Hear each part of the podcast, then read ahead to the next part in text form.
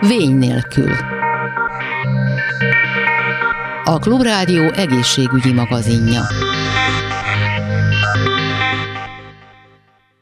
Jó napot kívánok, Laj Viktoriát hallják. Nemrégiben ö, jött ki egy tanulmány, ami Scope 21-re hallgat, és lényegében a európai országokban, 29 európai országban ö, vizsgálta a csontritkulásos adatokat, mondva így, és arra a, a megállapításra jutott többek között, hogy itthon Magyarországon minden ötödik 50 év feletti nőnek van csontritkulása, mégis 65%-uk nem kapja meg a szükséges terápiát. És ö, hát egy ilyen számot is közöttek, hogy nagyjából úgy minden hatodik percben bekövetkezik egy csonttörés, csontritkulásból fakadóan, és itt nem is kell nagy traumákra gondolni. A vendégem pedig a telefonban dr. Szili Balázs, az a Magyar Oszteoporózis és Oszteológiai Társaság elnökségi tagja. Jó napot kívánok! Jó napot kívánok, és köszönöm a meghívást!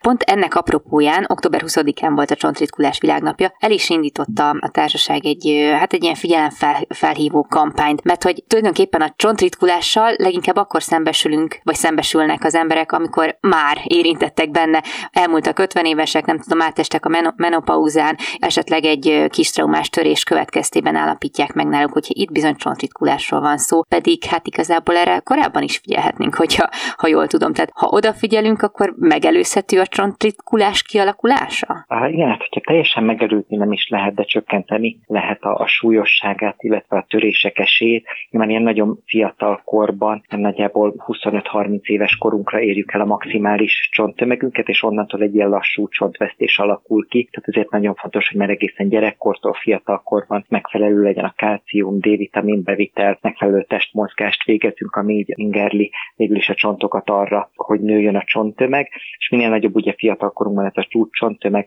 annál kevesebb az esélye, hogy később csontritkulásunk lesz, illetve hát később is a, a megfelelő sport, fizikai aktivitás, meg az eh, étkezés az segít fenntartani az optimális csonttömeget nem tudom, családi halmozódás és egyebek állhatnak a hátterében? Igen, tehát biztosan vannak genetikai eltérések is, tehát például akinek a szüleinél előfordult csípőtájtörés, comnyaktörés, neki jóval nagyobb az esélye, hogy sajnos szintén elszenvedi ezt, tehát az örökletes tényezőknek is nagy szerepe van, illetve nőknél ugye a nemi hormonhiány, mi a változókorral indul, ugye az is akár egészen fiatalon, 40-45 éves korban is már van, aki változókorba kerül, ugye ezt nem tudjuk befolyásolni, és ez, ez is jelentősen megnöveli a csontvesztést. Hogyan lehet ezt szűrni tulajdonképpen, hogy kinél áll fent, és innentől kezdve mit lehet vele kezdeni? Ugye ez nagyon fontos lenne valóban a szűrés, ami egy nagyon egyszerű módszerrel, ez a csontdenzitometriával történik. Ez egy ilyen röngen elvén működő vizsgálat, de sokkal kisebb dózist használ, mint egy ilyen hagyományos röntgenvizsgálat, és a csontok ásványi anyagtartalmát tudjuk vele vizsgálni.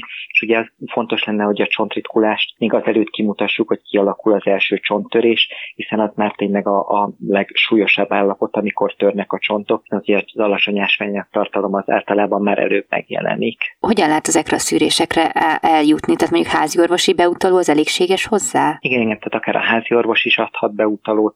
Ugye Magyarország ebből a szempontból egy elég jó ellátottsággal rendelkezik, tehát a legtöbb szakrendelőben, kerületben sok helyen találhatók ilyen csontsűrűségmérő eszközök. Ugye évente vannak továbbképzések a szakdolgozóknak is, tehát a szűrés lehetősége az, az széles körben elérhető, is egy fájdalmatlan, semmilyen megterheléssel nem járó egyszerű vizsgálat. De mégis akkor, hogyha ilyen hát rosszak a számok, hogy hát ezt a minden hatodik percet említettem, hogy történik egy ilyen csonttörés, akkor azt feltételezném, hogy annyira nem ö, nagy a hajlandóság arra, hogy az emberek csont tömegmérésre, vagy csontrétkulás szűrésre járjanak el. Igen, sajnos nagyon visszaesett. A 90-es években akkor voltak kampányok, akkor elég nagy volt szerencsére a részvétel ezeken a szűrővizsgálatokon, uh-huh. de fokozatosan csökkent, és ugye most itt a Covid alatt pláne visszaesett sajnos ezeknek a szűrővizsgálatoknak a száma, pedig tényleg a készülékek ott vannak, a szakszemélyzet ott van, akik ezt el tudják végezni, csak gondolni kell rá. Ugye nagyon sok ilyen szűrővizsgálat, ami fontos, de valahogy a, a csontritkulásnak eddig rossz volt, úgymond a marketing, ezért is tűztük ki célul, hogy most megpróbáljuk erre felhívni a figyelmet, hogy minél többen eljussanak ezekre a szűrővizsgálatokra. Főleg, hogy azt is megállapították, hogy ugye 65% nem kap kezelést a felmérésben szereplő nők közül, és ez egy nagy visszalépés volt a tízes adatokhoz képest, ahol még csak 28% volt ez, a, ez az arány, ami hát hatalmas visszalépés így. Nem tudom, hogy ennek mi lehet az oka. Ugye ez egy nagyon nagy időtáv is ráadásul. Igen, ezt, ennek a pontos okait nem tudjuk. Veszek ebben is a COVID is szerepet játszott, tehát nagyon sokan nem jutottak el reumatológushoz, vagy oszteoporózis ellátó orvos. Ezeket a gyógyszereket csak szakorvosok javasolhatják a házi orvosoknak, hogy felírják támogatással a betegek részére, de ez valahogy a világban mindenhol megfigyelhető egy ilyen trend, hogy egy nagyon nagy hiány van a felismert és a kezelt betegek között. És sokszor azt is látjuk sajnos, hogy már valakinél ki is alakul a kis traumás, mondjuk csuklótörés, és aztán mégsem történik sajnos semmi a beteggel, begipszelik, vagy meg Isten megoperálják a csuklóját, és mondjuk egy év múlva már szomnyaktörése lesz. Ja, akinek van akár egy ilyen kis traumás csuklótörése, annak ötször hétszer nagyobb az esélye, hogy később szomnyaktörése lesz. Tehát ez nagyon, ezek úgymond ezek a idézőes kis törések előrejelzik azt, hogy később jön a nagyobb törés. Tehát nagyon fontos lenne, hogy a traumatológiai szakrendeléseken, hát leginkább ugye, ahol ezek összefutnak, a családorvosoknál, aki egy törésen átesik, vagy csontritkulásra nagy a kockázat, az, az jusson el szűrővizsgálatra, uh-huh. és hogy tegye is ezeket a gyógyszereket aztán, amiket felírnak neki. Fontos része az, hogy itt tényleg csak egy gyógyszerszedésről van szó utána, az, ez helyreállítja az embernek a csont tömegét vagy sűrűségét. Mit csinál ez a gyógyszer? Többféle gyógyszer van, tehát Magyarországon Aha. mindegyik elérhető, ami a világon máshol is, tehát ebből a szempontból is nagyon jó a helyzet, a finanszírozási eljárásban is ezek jól megjelennek, tehát tényleg korszerű készítményekhez juthatnak a betegek.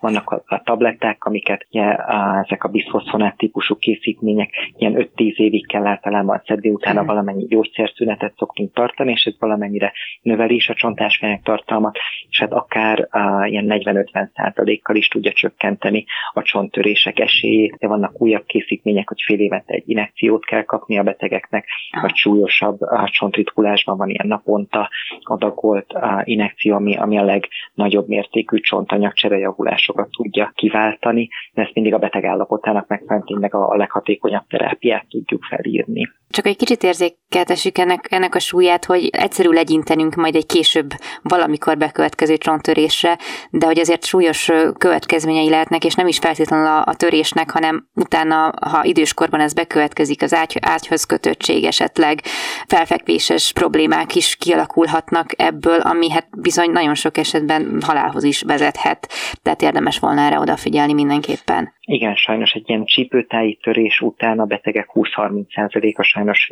egy éven belül meghal a különböző szövődmények miatt, tehát nagyobb a halálozás, mint mondjuk akár a szívinfarktusnak. Ah. Tehát ott, ott van, amivel kevesebb beteg hal meg egy éven belül, tehát tényleg a csípőtáji törés egy nagyon súlyos következményekkel jár. Igen, behívásos szűrővizsgálatok nem nagyon voltak érvényben csontritkulás szűrésre? Nem ilyen nem volt még, tehát ugye a házi orvosok segítségével próbáltunk ah. szűréseket szervezni, szervezni, illetve volt ez a Magyarország átfogó egészség programja. Azon belül vannak olyan szűrések, ami csak egy kérdőív kitöltésén alapul, ez a Frax nevű kérdőív, ugye azt is akár gyógyszertárakban, szűrőbuszokon, házi orvosi rendelőben bárhol ki lehet tölteni, ez egy ilyen 8-10 kérdésből álló kérdőív, és ezzel nagyon jól lehet azonosítani azokat a betegeket, akiknek nagyobb az esélye a csontritkulásra. Egyébként kiknek érdemes a, a figyelmét rá irányítani? Akinek kis traumás csonttörése volt, ugye ez azt jelenti, hogy a testmagasságnál alacsonyabbról esett el a beteg, akkor náluk mindenképpen javasolt ez a vizsgálat a, a változó korban lévő nőknél. Férfiaknál 60 év fölött szoktuk javasolni ezt a szűrővizsgálatot elvégezni, vagy hogyha bármilyen csontrendszert érintő betegség volt, felszívódási zavar, gyulladásos bélbetegség, autoimmunbetegségek közül, főleg az ilyen gyulladásos izületi betegségekben, reumatoid artritisekben is jóval nagyobb az esély.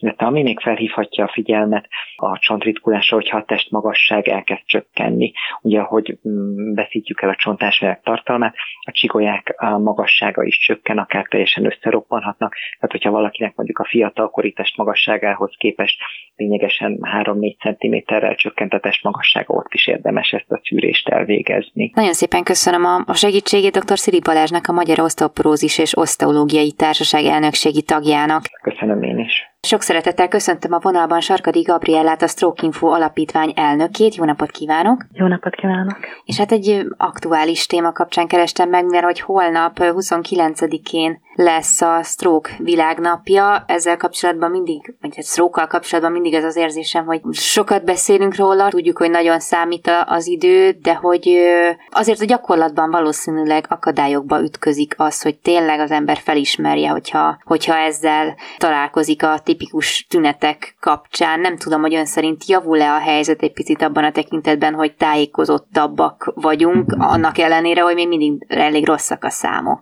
Igen, valamennyivel tájékozottabbak vagyunk, csak fölkészülve a Stroke világnapjára azért átnéztem a VSO, vagyis a Stroke világszervezetnek az oldalát, és hát ő azt írja, hogy már járványos méreteket ölt ez a, a stroke, tehát hogy világszerte minden negyedik 25 év feletti felnőttnek az élete során lesz stroke tehát jobban felhívja rá a figyelmet, viszont hát egyre inkább terjed, attól függetlenül, hogy megnézve aztán itt az itthoni helyzeteket is, Magyarországon 2021-ben a KSA adatait nézve azért 6,9%-kal csökkent a halálozások száma, 10.734-en mhm. haltak meg a tavalyi évben sztrókban. Mhm. Egyébként mindig több nő hal meg, mint amennyi férfi. És az leginkább annak köszönhető, hogy a kezelés az korszerűsödik.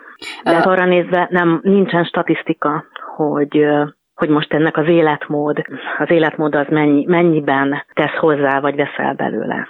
Gondolom a kezelés az, az nagyban függ a, az időtől is, tehát hogy hány percen belül, vagy hány órán belül eset, adott esetben kap az ember segítséget, meg gondolom az sem mindegy, hogy hol alakul ki a, a probléma, illetve hogy melyik fajtájáról beszélünk, agyvérzésről, agyérgörcsről, nyilván a helye befolyásolja a kimenetelét, illetve majd a kezelésnek a lehetőségeit. Igen, ezek mind, mind együttvéve nem régiben beszéltünk a, az Országos Mentőszolgálat szóvivőjével, és akkor ő azt mondja, hogy, hogy kb. négy, négy és fél óra most már, négy-négy és fél óra most már, ami alatt ugye meg kell kapni a kezelést kb. 80%-ban ugye infarktusról beszélünk, tehát rögösödésről uh-huh. beszélünk, tehát amikor egy rög elakad, és az okozza a sztrókot, és 20%-ban beszélünk körülbelül agyvérzésről, tehát amikor a koponyán belüli ér megrepedés, akkor az zárja el az oxigén útját a,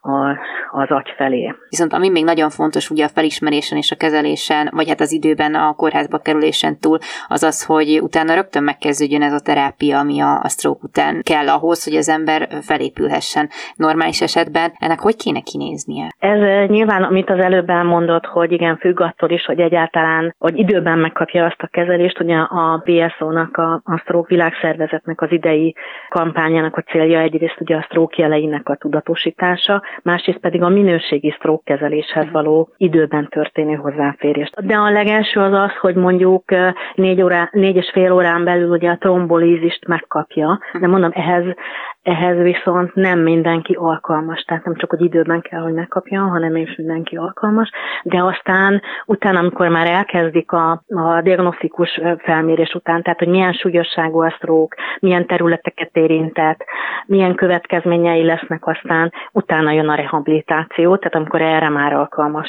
a túlélő, hogy rehabilitációja legyen, és akkor itt elsősorban nyilván a, a lege, legelőször a mozgásnak a rehabilitációját fogják megnézni.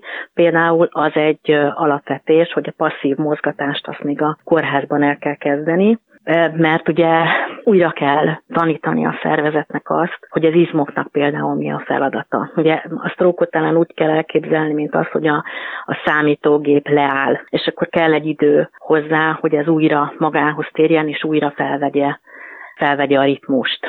Tehát ugye a, a, a stroke az gyakorlatilag a stroke következtében elhalnak bizonyos területek az agyban, és ezeket a területeket kell újra éleszteni, és akkor újra megtanulnia azt az embernek, hogy akkor hogyan kell mozognia, hogyan kell beszélnie, vagy más dolgok is vannak, például egy agytörzsi szoroknál mondjuk lebénul mondjuk a nyelés, és akkor, és akkor azt is újra meg kell tanítani. Tehát logopédusok már, már egyre többen végeznek nyelésterápiát is. Hát most így hallgatva tulajdonképpen akkor szerencse dolga az, hogy az embernél hol, hol jelentkezik, mi, mi jelentkezik, mikor kerül orvoshoz, kezdődik meg a terápia. Ezt hát nem tudom, hogy hogy lehet ezt egyáltalán feldolgozni betegként, vagy hát elfogadni azt, amit, amit éppen a helyzet kiró, kirót rá a, a körülmények tekintetében. Tehát most, hogyha egy picit távolabb lépünk ettől magától a fizikai kezeléstől, hogy azért a lelki, meg a mentális feldolgozása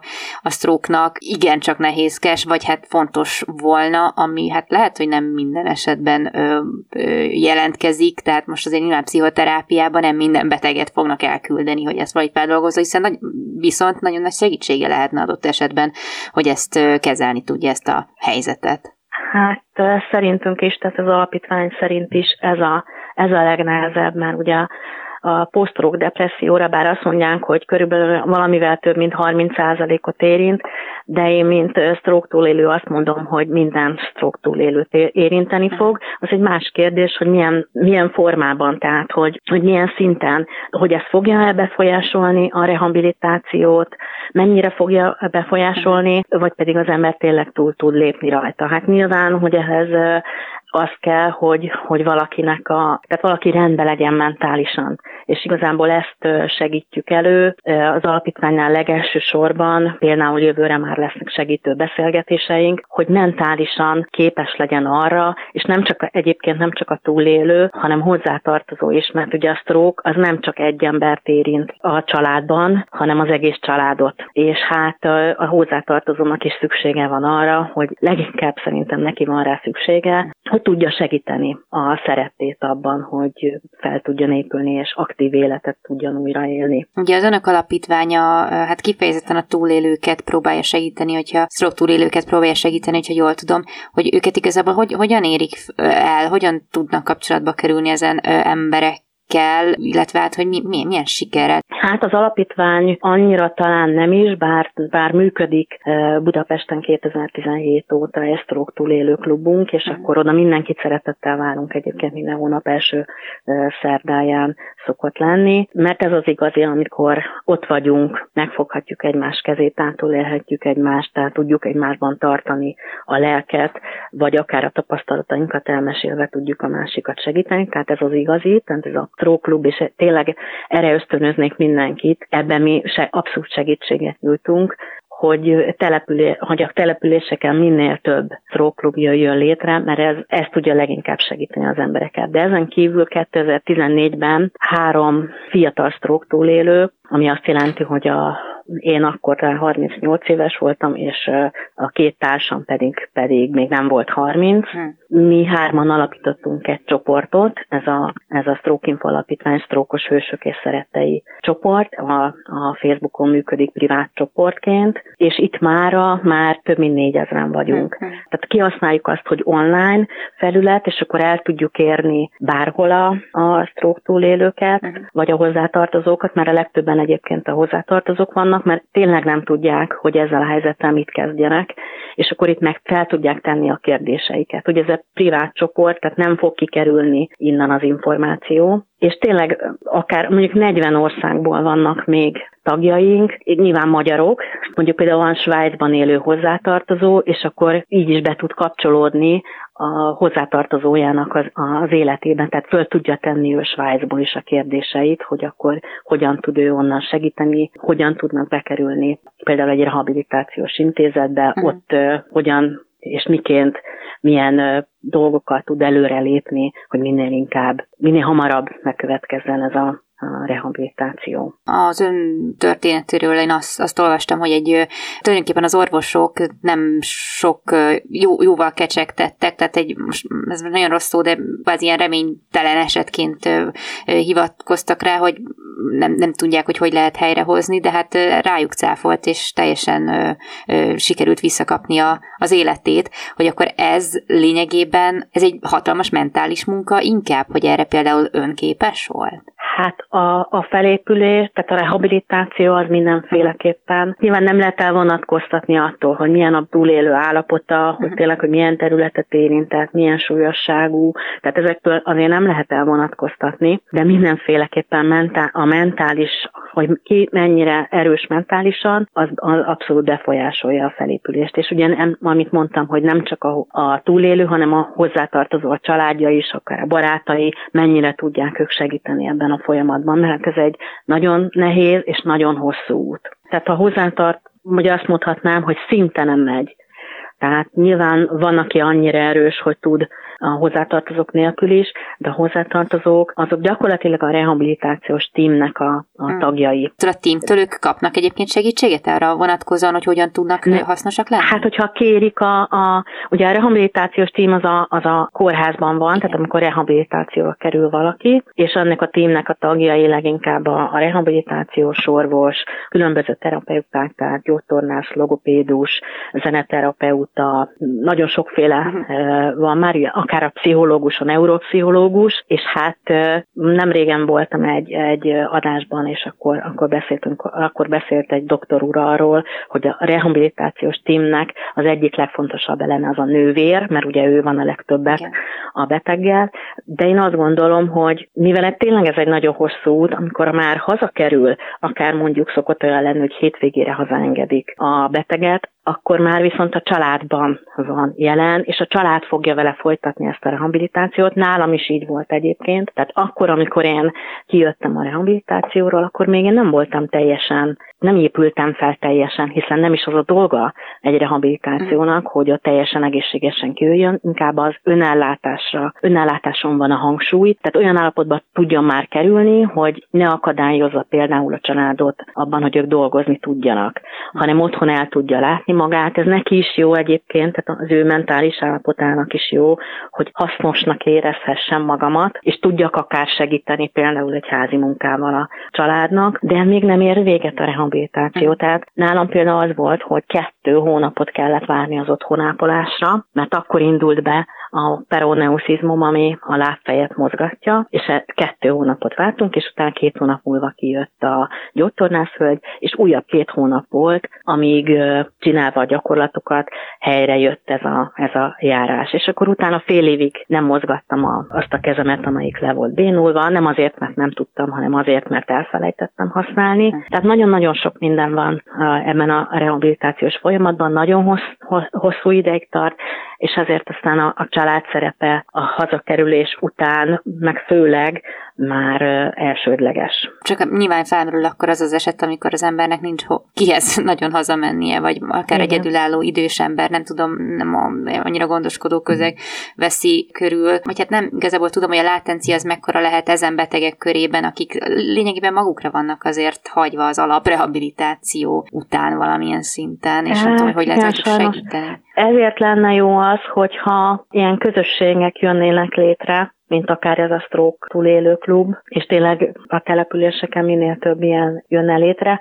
Persze ez csak akkor működik, hogyha képes elmenni egy ilyen klubba. Igen. De mondjuk akár, ugye most így a, a Covid-nak egy pozitív hatása volt, hogy az online tér az előtérbe került, tehát nekünk is volt az, hogy amikor nem lehetett stroke klubokat tartani, akkor a Messengeren tartottuk egymással a kapcsolatot, és ott voltak videóbeszélgetések, és úgy próbáltunk egymásnak segíteni. Tehát ez még lehet. Ugye működnek gondozó központok, de ez is inkább, inkább az idősebbeknek, szóval, hogy, hogy van, van, de, de soha nem lehet elég az a segítség, amit így kapni kellene. Picit vissza ugye a legelejére a tünetekre, hogy a Stroke Világszervezet kidolgozott egy kampányt, amit a, a Stroke Info alapítvány magyarra átültetett, ez a Baki nevet kapta, ez egy mozaik szó, ami a tüneteket ismerteti lényegében. Ezt a, egyébként a brit sürgősségi ellátásban találták ki, és utána pedig aztán elterjedt a világon, hogy ez a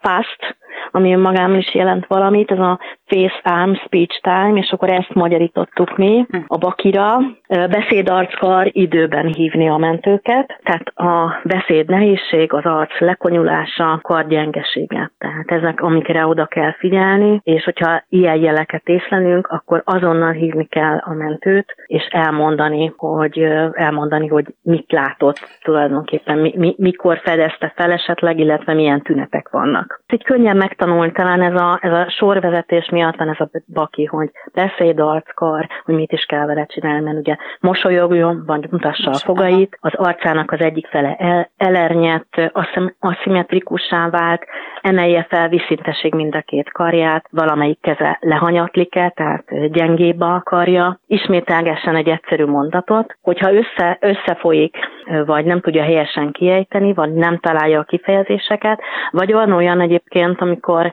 ki akar mondani egy mondatot, mondjuk azt, hogy, hogy nagyon úgy érzem, hogy nagyon rosszul vagyok, ezt akarja kimondani, és akkor az jön ki a száján, hogy a maci bement a málnásba. Illetve azt, hogy öltse ki a nyelvét, és akkor a nyelve az pedig nem engedelmeskedik, hanem az egyik vagy a másik oldalra kitér. Tehát ezek a, a segítő mondatok. És hogyha valaki egyedül van, és ezek a tünetek jelentkeznek, akkor ő ezt tudja magában így instruálni, hogy valahogy feldolgozni, hogy itt valószínűleg stroke van szó, és maga hívja a mentőket? Van ilyen eset is, amikor annó én nekem csak annyi, tehát én nem tudtam hívni a mentőket, akkor még nem is volt ennyire köztudatban a stroke. Uh-huh. Annyi erőn viszont volt, hogy szóltam, hogy hívják a mentőket, másrészt pedig szóltam a férjemnek, hogy jöjjön értem.